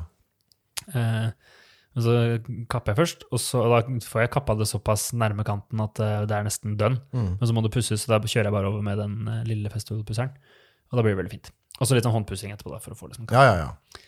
Det blir knallbra. Jeg har lyst til å jobbe med tjukkere kantbånd, for nå har jeg det som er 0,6 mm tjukt. Ja. Um, for der er det lim på undersida, så da er det bare å putte strykejernet rett på og kjøre over. Uh, og så sitter det. Men uh, hvis man skal ha litt tjukkere, da får man de uten lim. Så da må man ha en eller annen maskin som Mm. Eller så må man lime det sjøl, på en måte. Ja. At du bare tar på trelim, og så presser det på plass. Det høres hardt ut. Jeg har gjort, eh, jeg har gjort et prosjekt der på TV-heisen, så var det kantbånd uten lim. Ja. Og det var, det var tynt kantbånd nå, så den drev og bøyde seg litt. Og sånn. Jeg prøvde å teipe den ned, og sånn, det var ganske hat. Ja. Um, så det må nok ryke på en eller annen tøff maskin etter hvert, ja. Mm. Altså sånn på verkstedet til eh, der hvor Martin jobber. Ja. Uh, Martin Berg. Det er et sikkert typisk verksted hvor de har en sånn kantbåndmaskin. Du bare putter inn en plate, og så kommer den ut med kantbånd på. Ja. Og det er sikkert ferdig trimma og frest også. Eh, det er ganske rått. Men de maskinene koster jo det samme som et lite hus. Ja. Så det er på størrelse med lite hus òg. Men det er ikke noen andre alternativer enn festival? Liksom. Det det, det er Jo, liksom, det fins andre håndholdte Ja. Men tenk om i forhold til hva du vil ha. Eh, nei. Men jeg har sett på noen andre som er liksom enklere og billigere. Eh, så jeg skal, jeg skal researche litt mer. Ja. Men eh, jeg, altså, så fornøyd som jeg er med de festivaltingene jeg har fra før, så ville det vært ganske lett valg, men jeg må få prøvd det først og se om det er noe Mm. særlig. Og så er det jo ikke sikkert at eh, møbler med kantbånd er det jeg har lyst til å drive med resten av livet. Nei, nei. Men hvis jeg har gode verktøy som gjør at jeg kan gjøre de tingene kjapt, Ja, ja. så vil det bli lettere å takke ja til det. Og da kan jeg være sånn, ja, garderobeskap, fett, fikser det, asap. Ja, og hvis du også, I forhold til kolleksjonen din, som du kanskje skal sette i gang med sånn etter Ja. hvert, og hvis du finner ut at det er materialene du liker å jobbe i, så er jo det gull. da. Så det, det blir et ledd i, i prosessen videre med å finne ut av hva jeg har lyst til å gjøre. Mm. Men ellers er det da 45 grader da, på, i gjæringene. Dette møbelet er noen og 40 cm høyt mm. og 2,20 langt, um, med 45 grader i hvert hjørne. Ja. Og så er det to uh, vertikale midtdelere, som er liksom uh, De er dytta litt inn i møbelet, fordi skuffefrontene skal være på innsiden av liksom Ramma. ramma, Ja. uh, og så skal de komme utenpå de midtdelerne. Ja, sånn, ja. Sånn at du ikke ser midtdeleren når skuffen er lukka. Så det blir en hel front, på en måte. Ja. Jeg skal sam sammenhengende trefiber da, på de skuffefrontene. Det tror jeg blir fint. Mm. Så nå er, jeg, nå er jeg ferdig med hele stammen. Fått satt inn bakplata. Festa bare med, med masse pocket holes Mm. og pocket screws. Lommehull og lommehullsskruer. Ja, ja, ja. Um, Det klinger godt. og det er kantbånd på hele ramma. Der um, satte jeg på kantbånd, eller kappa platene 45 grader. Så satte jeg på kantbånd og trimma det, og så limte jeg sammen. Så Mm. det er liksom ferdig med kantbånd. Bruker du de samme Jeg vet ikke om det er noe han har øh, sikkert ikke funnet opp, men han printer ut de her øh, 45 graders klemmegreiene. Nei, jeg gjorde en løsning hvor jeg kappa noen, eh, noen biter med scrap MDF Ja. med 45 grader. Okay. Eh, sånn at jeg får en flate å klemme Det er litt vanskelig å på en måte forklare, men Ja. du har 45-graderen, og så setter du noe der og noe der, altså på hver side av den vinkelen, Ja. sånn at du kan klemme inn rett på 45-graderen. Ja, Eh, og det, det funka fint, det. ja. ja. Da tok jeg, for ikke liksom feste de scrap-bitene rett på møbelet, for de må sitte fast på et eller Mm. annet vis, hvis ikke så sklir de bare mot hverandre. Så satte jeg teip på møbelet, Mhm. og så limte jeg den ekstra biten med superlim til den teipen. Og var ikke det nervepirrende i tilfelle noe liksom gikk gjennom? Eller Nei da, jeg testa. Nei, ja, ja. Eh, og så um, klemmer. Og så omtrent når limet hadde tørka, så begynte det å løsne litt. Ja, ja. så det, det funka helt fint, det. Og så hadde jeg dominoer i skjøtene, i 45-graderen, som gjorde alt lina opp helt fint. Um, det var mamma superhjelp, for jeg, måtte, jeg ville bruke noe som var litt tjukkere, for det er 16 mm plater, Mm. og da blir de eh, korteste 5 mm dominopluggene litt for lange, for de er 30 mm lange. Mm. Eh, så mamma sagde de ned til 25 mm. Hvor mange er det da? 12 stykker. Ja. Okay, Ok, ja. Eh, men det var god hjelp. Eh, for da, da fikk jeg litt tjukkere dominos inni. Men der eh, har jeg lyst til å bruke Nå må du lukke øra, Kim, hos Motec. Der har jeg lyst til å bruke Lamello. Um, for de har noen kjempefine sånne Det, det er, er de kjeksa? Ja. ja. Men de har noen geniale kjeks som er i plast, med noen sånne greier som gjør at de, de, når du trykker dem mot hverandre, så sitter de. Ja. Det er to halvparter liksom, som Ja, ja. klikker sammen. Og så er de to halvparter som kan klikke sammen, hvor det også er et sånn access hole som gjør at du kan stramme det med Ja. Braco. Uh, og det ser ganske lurt ut. Festool har noe sånn Festool Connect-system, men det er ganske stort og klumpete. Og koster sikkert masse Eh, penger. ja. Uh, mens med Lamello så kan du komme til med en sånn bitte liten Umbraco. Ja. Mens hos Festool så må du bore et hull som er sånn 10 mm, eller noe. Ja, Det blir så innmari svært. Ja. Men må du ha en special tool, eller kan du bruke det noe du allerede har? Med de kjeksene Ja. Da må jeg selvfølgelig ha en uh, egen Lamello Fres. Jeg har en fra Makita som jeg, eh, som jeg har på lån fra en kompis fra Makerspace. Men uh, den lager bare vanlig rette hull. Okay. For de kjeksen, den vanlige kjeksen så trenger du bare et rett hull. Men de andre de er et rett hull, og så lager de et dypere spor innerst. Okay. Så bladet går liksom inn, og så går det litt sånn opp og litt ned. Så, Ja, sånn, får, så det kan skli inn en sånn greie, for da kan det trekke. Ja, ja, ja. Hvis det bare er et flatt hull, så får du ikke trukket i noen retning. Så det, det selger de på beslagteknikk, vet jeg, så jeg skal be om et tilbud på den. Mm. Eh, Etter jeg hadde lagt ut bilde av en, en liten videosnutt på Insta-story, så svarte eh, grovsnekkeren eh, Lars. Han eh, svarte at eh, ja, nå holder vi på med lignende prosjekter her. Eh, sjekk her. Og så sendte han meg en video av hvor han monterte et møbel med sånne oh, lamello-greier. Og det så ut som en drøm. ja. For han trengte ikke å bruke klemmer, siden de klemmene liksom trekker seg sjøl Mm. sammen. Ja, det er gull. Så det så ganske digg ut. Uh, ja, så nå er jeg ferdig med uh, stammen. Og så i går kappa jeg delene til alle skuffene. Uh, og jeg bruker sånn undermonterte skuffeskinner, så der må kappes litt sånn spor og hull og sånn Mm. for at de skal passe. Og i dag festa jeg kantbånd på alle de synlige sidene av skuffene. Um, og i morgen så skal jeg bygge sammen de skuffene. Mm. Og da bruker jeg også lommehull, fordi det kan jeg få skjult ganske greit. Lommehull på baksida. Jeg fester liksom bakplata til de to sideplatene på baksida, da blir det usynlig. Eh, plata forrest den fester jeg til sideplatene på framsida, for der kommer det jo en skuffefront utenpå. Så da blir det Mhm. usynlig. Ja. Um, da slipper jeg dominoer, jeg slipper masse lim, egentlig. Jeg kan bare skru det i, og så holder det. Jeg bruker nok litt lim da, bare for å få det til å bli Når er liksom tweet. eh, dato for ferdigstillelse? Nei, i fjor. Ja. Eh, og så blir jeg bortreist neste uke, så jeg skal bare jobbe på å se hvor mye jeg får gjort ferdig denne uka her. Ja. Så venter jeg på svar fra kunden angående hvilken finish de har lyst på. Jeg tror den hadde blitt veldig fin i Ruby og Monocote Pure, eh, men det er mulig de har lyst på 5% white, sånn at det blir litt lyst. Men. Pure, da, for den blir litt mørkere? Eller blir den? Ja, da blir den sånn som den filterholderen ja, ja, ja, riktig. Ja. Kult. Det er fint. Så vi får se. Så har jeg alltid skuffeskinner og sånn, så det er bare å gunne på. Så tenkte, jeg lurte på om jeg skulle For den skal festes på veggen med sånn French cleat-system. Ja. Sånn 45 Ja, ja, ja. grader inni hverandre. Eh, så jeg tror jeg skal henge den opp på innsiden av garasjeporten. For det er bare en sånn der, en, det er ikke en garasjeport med masse ledd som liksom knekker når du åpner porten. Det er bare en stor, et stort flak. Og innsiden der er noe platemateriale. Og der henger det en treplanke fra før som jeg tror kanskje Stian brukte å henge opp ting da han hadde lokale. Mhm. Jeg prøvde å henge meg sjøl etter den, liksom. Etter henda. Var bra du sa Ja, det hørtes Jeg hang meg sjøl etter veldig mørkt ut. Men, Eh, og den klarte å holde mine 80 et eller annet kilo, Ja. så da klarer den å holde det møbelet. Så jeg skal prøve å testmontere den på veggen. da. jeg kan stille hvis du trenger å virkelig stressteste den. Men det blir fint, for da har jeg altså, Den tar jo opp veldig mye plass i lokalet også, det møbelet.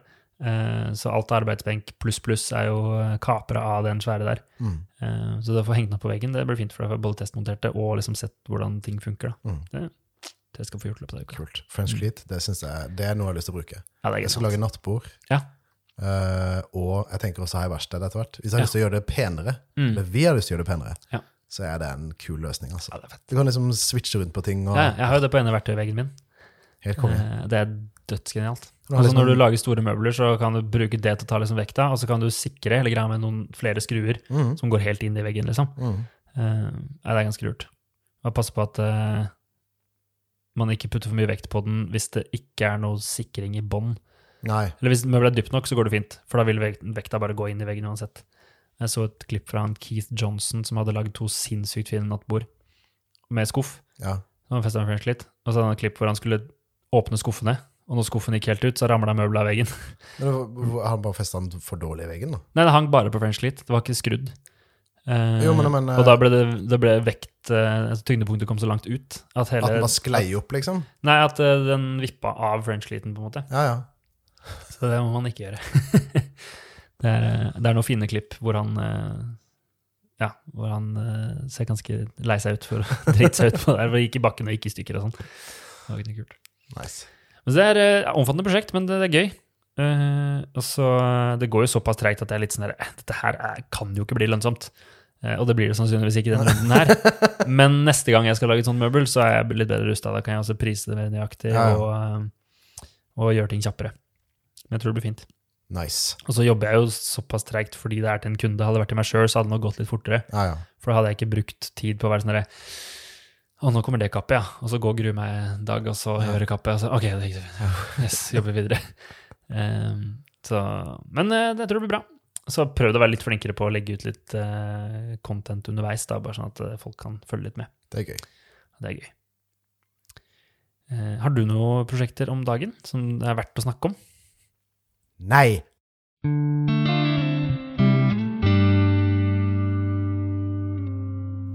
Da skal det bli noe spennende her, altså. det har vi gleda oss lenge til. Vi liker å tro og håpe på at noen har fått gått og venta på det her. Ja. Men vi nevnte jo i forrige episode at vi skulle ha en liten giveaway. Mm -hmm. du kan egentlig bare ta ordet her, for det er du som har gjort det her, eh, Ja. stort sett. Eh, takk, takk, takk. takk. Eh, vi har jo da hatt en giveaway de siste par ukene. Fristen for å delta var forrige uke en eller annen gang, mandag eller noe. Um, vi gir bort uh, en kaffefilterholder som jeg har lagd, spesialgravert med brunsj og håndverk på undersida og sånn. Mm, Og en, uh, det var en Snap eh, Wallet, var det ikke det, med knapper? stemmer. I uh, Desert Camo. Ja, den er fet. Vi har jo lagt ut bilde av det, så det er bare å stikke inn og kikke på hva dere går glipp av hvis dere ikke har rukket å delta. Men vi har hatt en del folk som har deltatt. Det var noen som eh, ikke klarte å følge reglene, de enkle reglene i giveawayen. Ja. Eh, så da, da er man ikke med, men det er ganske mange som er med. Så det vi, nå har jeg eh, rett og slett nummerert. Må, vi må, må bare, det, gjør ikke det her er liksom live nå. Ja, ja. Vi organiserer så jeg kan se også når du trekker. Det er gøy. Fordi nå har jeg rett og slett nummerert eh, vi, vi sier bare navnet på de som vinner, eh, men dette er alle som er med. Som da har fått nummer 1, 2, 3, 4, 5, 6, 7, 8, 9, 10, 11, 12. Mm. Ehm, og så har jeg funnet på Google en random uh, number picker. Ja. Uh, nå ser jeg at jeg ikke har internett, så jeg får håpe den funker Ja, men det kan ta det her. Hvis ikke så får vi teste på din. Men vi prøver her først. Ok, jeg finner den, jeg finner den mens du holder på. Ja. Eh, så da har jeg satt minimumnummer og maksnummer, og så finner den her et, et random nummer. Um, og den som har det nummeret, den vinner, rett og slett. Så da prøver jeg å trykke på generate her. Hvis det ikke funker, så prøver vi den på din maskin. Da prøver jeg. Nummer fem! Mi, mi, mi. Hvem er det som er nummer fem? da? Det er rett og slett Åsmund med Instagrammen Asmund-verksted. Han tagga folk, han eh, det fulgte alt og alle på Instagram og kommenterte en flott emoji. Her var jo clouet at man måtte kommentere en emoji på bokstaven B. Vi fikk en masse fint. Vi fikk bowling og bjørn og banjo, blomst og bombe og brød og båt. Og banan. Eh, så gratulerer, eh, Åsmund. Vi tar kontakt med deg på Instagram. Og så får vi postadresse og så videre, og så sender vi ting av gårde så fort som mulig. Skal vi kjøre en uh, andreplass òg, eller? Så får noen, noen coasters fra Arnold Leather. Ja, det er hyggelig. Det her var altfor gøy. Vi kom til å gi vekk alt vi har. En, en til. Og neste person får huset til Marius. Ok, nå trommevirvel. Og nummer Nummer sju! Congratulations! Nummer sju, det er Marco Demmer. Han tagga folk, han fulgte alle han skulle følge, og kommenterte både brød og banan, faktisk. Bananbrød. Eh, gratulerer, Marco. Du får eh, noen snacks fra Arendal Leather. Så eh, vi tar kontakt med deg på Instagram, og så får vi adresse og Skipper ting av gårde. Dette var gøy. var moro. Dette må vi gjøre mer av. Ja, det må vi gjøre mer av. Ja. Det er lett for deg å si, som ikke måtte organisere noe av det. ja, dette var koselig. Da håper vi Åsmund og Marco blir fornøyd med tingene de får i posten. All right, da var det gjort. Vi går videre til neste segment. Uh, dette er, ja, vi har hatt, hatt det et par ganger før, men det er det som heter Musikk til RB. Som er uh, musikkanbefalingene våre. Vi er jo uh, musikkelskere og musikere begge to. Så det skulle bare mangle at vi Du er musiker. Du spiller gitar, synger, har gjort opptil flere konserter siste året. da. Det Du er musiker. Um, da lurer jeg på om du har noen snacks å anbefale? Ja, altså det eh, Eller snacksanbefal, det var et helt annet segment. Nei, den plata jeg hører absolutt mest på om dagen. Det er Songs for the Deaf av Queens of the Stone Age. Mm. Vi spiller No One Knows eh, i bandet. nam, nam, Ja, nam. den er så gøy. Og Det bandet er så fett. Ja, vi er et snusk, ja, som jeg spiller i. Det er dritfett. Snikreklame. Vi gjør brylluper, vi gjør bedrifts... Nei, men uh, vi, vi spiller den, og jeg, jeg har egentlig lyst til å lage en settliste av det albumet. Ja. Det, det er, den er bare fullspekka. Kan jeg komme og være med på en låt eller to, da? Det har, hvor gøy har ikke det, det, det vært? Det har vært fett. Det gjør vi. Men den, den er jo, det, er jo en, eh, det er jo ikke en chill uh, workshop-plate, sånn Nei. sett. Men uh, nei, jeg syns den er helt uh, fantastisk. Og så Mm. var det en, en annen Jeg følger en uh, Jeg husker ikke hva den YouTube-kanalen heter, men det er en dude som basically er jæklig god på gitar, og så driver han og får tips om eh, andre gitarister og musikere å sjekke ut, og så ser han på det, og så reagerer han aktig. Ja. Um, og han Hva heter han for noe? Nå skal jeg finne han. Nolan Var det Nolan Tyler han het? Skal vi se no. Ja. Nolan Tyler. Uh, han har ikke så mye ute, men eh, fy faen, altså, for en stemme og digg musikk. Mm. Men det er liksom, det, det, han har ikke sluppet noen plate på Spotify ennå. Det ligger fem låter ute. Og eh, Nei, dritfett. Og, um, men det er nesten like mye verdt å bare søke det opp på YouTube og se om du finner noen eh, Ja. fine videoklipp der. Men uh, det er litt sånn Jeg er veldig glad i litt sånn amerikansk folk-aktig, chill uh, country-inspirert. Ikke honky-tonky, liksom, men, uh, Mm. men litt mer sånn ja, klassisk. Eh, dritfett. Så sjekk ut det. Smooth. Jeg har også en plate å anbefale. Eh, dette er en fyr jeg oppdaga gjennom mitt, et av mine favorittband, Wolfpack. Mhm. Eh, det er en vokalist som de hadde med seg på et, et spor. Det var egentlig sideprosjektet til han ene i. Da. Um, men det er en vokalist som heter Jacob Jeffries. Eh, og så hørte jeg han på låta How Much Do You Love Me? En sinnssykt funky låt. Også på Valentine's Day. Oi, oi, oi. Den er sinnssykt uh, kul låt. Um, og så tenkte jeg jeg må sjekke ut uh, om han har noen egne greier. Og så fant jeg soloplata hans, som kom ut i 2021, tror jeg. Ta så Søk opp Jacob Jeffries. Um, og han har en uh, plate som heter Anjeho. Det er en type tequila som har blitt Som har um, Hva heter det? Som er liksom aged. Han så litt sånn folk-dude ut, jo. Ja, da snur snu skjermen, skal jeg peke på riktige ting. Ja, ja, ja. How much do you love me? Ja, men så blar litt nedover, så finner du Så finner du eh, plata. Añejo. Ja, den er veldig kul. Eh, det er et par låter som eh, har gått mye på repeat. Jeg har hørt på hele plata både mens jeg har kjørt bil, og mens jeg har kjørt brett, og mens jeg har kjørt eh, sirkelsag og andre verktøy. Ja, Det gleder jeg meg til. Jeg trenger litt nye greier, så det er fint. Men det er en fin plate, for den er veldig allsidig. Den har ting som er liksom litt sånn old school amerikansk rock, liksom. Mhm. Siste sporet, som heter Añejo, den har masse sånn liksom meksikanske elementer med litt mariachi og sånt. Oh. Eh, og så har han eh, pianoballader, og han har eh, funky greier. Altså det er veldig allsidig og veldig bra. Kult. Sjekk ut.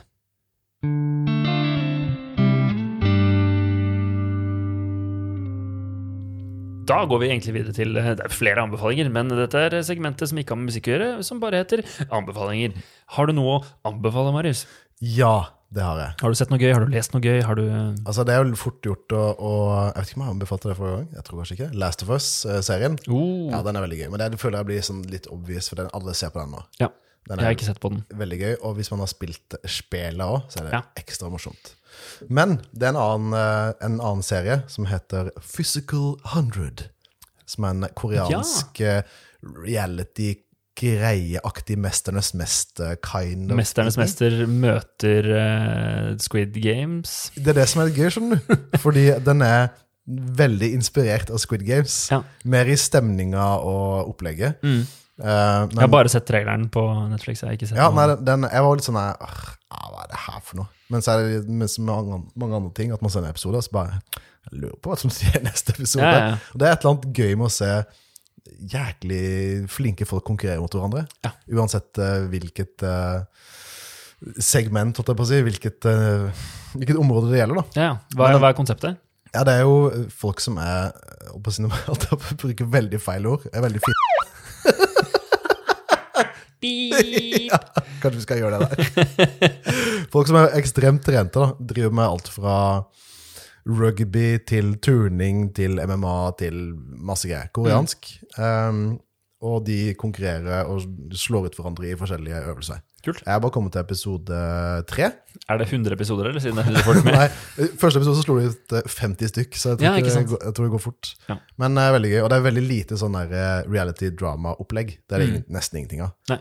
Eh, Det er mer liksom bare konkurransene og Nei, veldig artig. Nice. Så Jeg er stort sett fan av ting fra Korea. Mye bra film. ja, det er det. ja. Veldig mye bra. Mm. Du, da? Uh, jeg har to.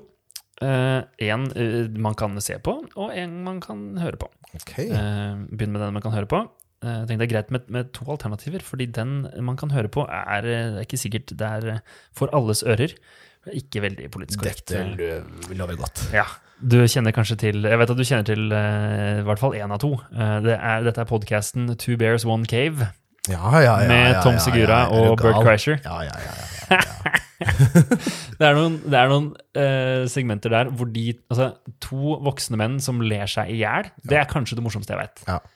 Uh, og i hvert fall hvis det er en build-up som er som ispedd litt uh, internhumor, litt uh, upolitisk korrekthet. Eh, og, og mye sånn dumhet. For det er mye sånn øyeblikk hvor, eh, hvor Bird Kreischer innser at eh, han ikke var så smart som han trodde. Og, ja, og da han forteller om ting han har gjort som er bare helt sånn ja, ja. ja, ja. Men blir du litt sliten av å høre på Bird Kreischer le?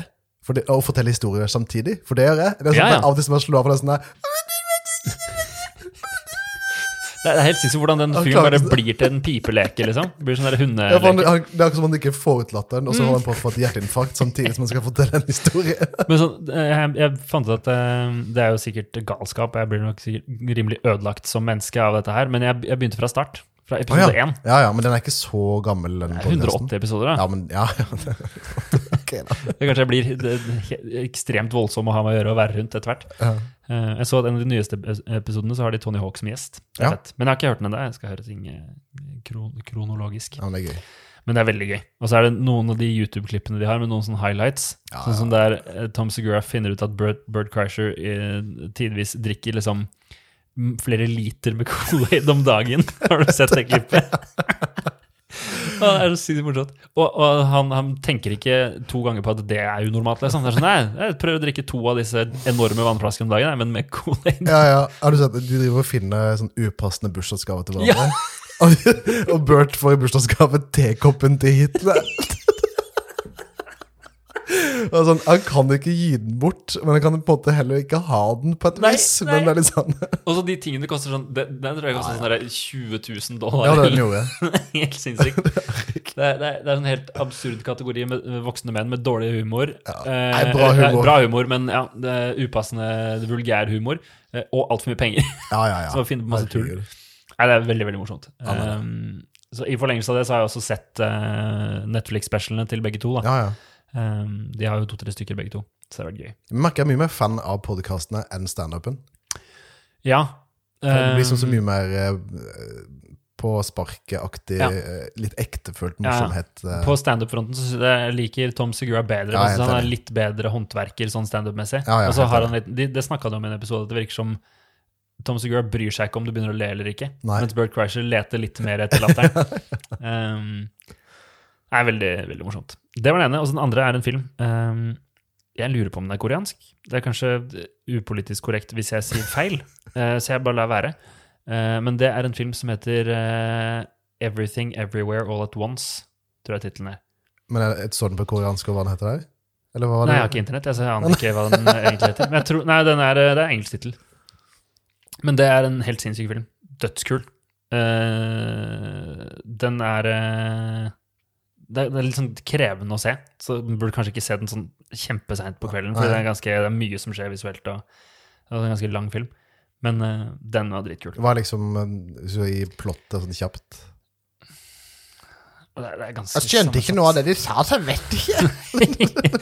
Nei, men det er et, det er et eh, ektepar som bor i USA, som da er fra La oss si Korea. og hvis jeg tar feil, så får det gå så. Ehm, og lever et litt sånn eh, Ja, sånn liv hvor man tenker at det, det, Kjærligheten blomstra da de var unge, og så har de blitt eldre, og så driver de et vaskeri, og så har de en uh, datter de ikke klarer å connecte skikkelig med, og det er liksom, ja, det, det har ikke gått helt som det skulle gå. Og så begynner det å skje masse rare greier, uh, fordi de får på en måte kontakt med versjoner av seg sjøl fra et slags parallelt univers. Oi, det hørtes veldig gøy ut. Ja. Eh, og det er så mye dybden jeg klarer å gå, på en måte, for jeg får ikke forklart det. Det høres, høres bare teit ut hvis jeg prøver å liksom forklare det. Men, eh, og så hopper de liksom mellom eh, Og på en måte og opplever liksom seg sjøl som, som alternative versjoner av seg selv. Ja, ja, hvis de hadde gjort andre valg i livet, så hadde de endt opp på en path hvor de kanskje var karatemestere eller Ja, ja. Hollywood-stjerner. eller altså, ja.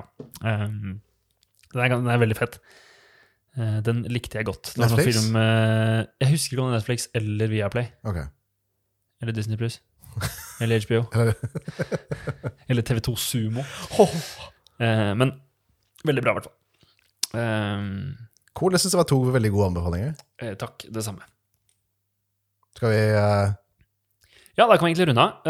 Helt til slutt så har vi um, eh, Vi fikk klarhet i hvem Valle0587 var. Ja! Det var Rolf Valle på Instagram eh, som hadde skrevet den flotte anmeldelsen. Tusen takk, Rolf. Det var veldig, veldig hyggelig. Eh, klistremerker til deg. ja. Når det kommer. Ja. Eh, og så lurer jeg på, Marius, har vi fått noen nye anmeldelser? eller? Ja, fasan. Ta oss og Sjekk det. Oi, oi, oi. Skal vi se her. Jeg har den som har internett. Det har ikke Rikard. Uh, men steike, det var mye greier å trykke på der. Ok, skal vi se. Velkommen til podkasten. Marius, 39, snart 39, prøver å finne ting på internett. Skriver ting med én finger. Skal vi se e, e, B Um, jeg husker det Må jo ikke bare skrive det her, vet du. Ok. Uh, vi går på more her. Vi har fått uh, Skal vi se uh, Det var den dårlige Nei, deil, deil, ikke dårlig. Deilig med norsk maker-podkast. Det var uh, det, det er en av de eldre. Ja. Få se. Snupp på skjermen din. Brunsj er lik digg pluss håndverk. Ja, ja, ja. Der har vi den. Ok. Ny. Og det her er rett opp min gate. Ville gitt 69 stjerner om jeg kunne. Det- Var det overskriften? Ja. konge. Brunsj er lik digg, håndverk er lik digg, brunsj og håndverk er lik digg. Nice. Hvem var den fra? Det er fra Marius Hansen. Ja, ja, ja, ja, ja, ja. ja. Herregud, koselig. ja, ja. Han er ute og kjører brett i dag, det veit jeg. Du vet Nå har vi 15 ratings her. Er det her, er det her teit å prate om? eller? Jeg syns det er veldig gøy. Jeg er veldig og med det. åtte reviews. For meg så er det kjempemasse. Ja. Ja, Veldig hyggelig, altså. Skriv flere reviews, så får dere klistremerker en eller annen gang. Oi, oi, oi. Nå ramler det inn. Ja, det, det skal vi sørge for. Inntil et visst antall. Ja, ja innenfor rimelighetens grenser. Ja, men det er gøy. Jeg holder på med en uh, kolleksjon nå. Jeg viser jo de designene jeg hadde idé til forrige gang. Ja, ja. Det er litt gøy. Ja, det er dødsfett. Mye mat med fjes på, og det, verktøy rundt. det er morsomt. Ja, det er det. Er jeg en eggeplomme? Er jeg en avokado? Det får vi funnet av på sikt. Nei, men Rikard. Uh, ja, fem over halv tolv? Ja, Det er ikke så gøy. det er normal arbeidstid for meg, dette. Ja, det ikke det? Og nå gleder jeg meg til en, bil, en times biltur hjem Ja, det, etterpå. det slipper jeg lys. Takk for i dag. Det var superkoselig. Takk for nå. Vi ses eh, om eh, to ish uker. Ja. Ja, det kan vi si med relativ sikkerhet. Jeg er i hvert fall ledig om to uker. Så vi se om du er i Tyrkia eller noe. Du Ja, ja. Hei da! Ha det!